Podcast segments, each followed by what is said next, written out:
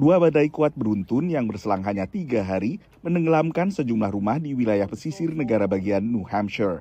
We got hammered with uh, almost a, a foot plus inside my units, and they're all destroyed. It was brutal for everybody, and I have now at the apartment, I have no floors, I have no nothing. We got everything out. Talking about 300,000, 400,000 damage. It's really crazy. Pada Januari, banjir dan badai kuat menghantam tak hanya New Hampshire, tapi juga New Jersey dan Maine. On January 10th and 13th, two record breaking coastal storms hit Maine back to back, and they led to some of the highest water levels we've ever measured along the coast since we started measuring in the early 1900s. And this sort of thing, extreme coastal flooding events, has been happening more frequently throughout the globe, and that's because sea level is rising. Gulf of Maine Research Institute adalah lembaga riset yang meneliti dampak perubahan iklim pada komunitas-komunitas pesisir di negara bagian yang warganya sangat bergantung pada wisata laut dan perikanan ini. Looking into the future, we're expecting sea level to start rising faster. So, Maine, for example, has committed to managing a foot and a half of sea level rise in 2050 and four feet in 2100.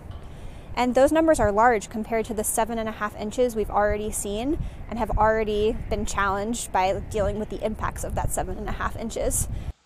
Mitigasi harus dilakukan di sepanjang timur laut Amerika Serikat, apalagi karena menghangatnya suhu air laut bisa juga meningkatkan risiko terjadinya badai kuat. I'm very concerned because it will 100% happen again. Um, when you put a static structure in a dynamic zone, such as the ocean or the sand, and with rising sea levels and more storms and for whatever reason you want to call it, it's happening here and now. And if we don't come up with a plan to what we're going to do with pieces of property like that, it's going to cause problems up and down the eastern seaboard. Bukan hanya negara bagian di pesisir laut saja yang harus waspada.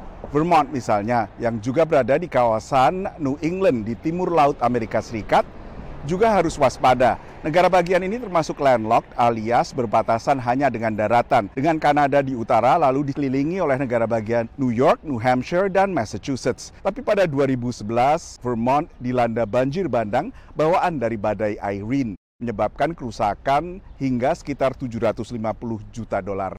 Dari Washington DC, saya Nova Purwadi dan tim VOA.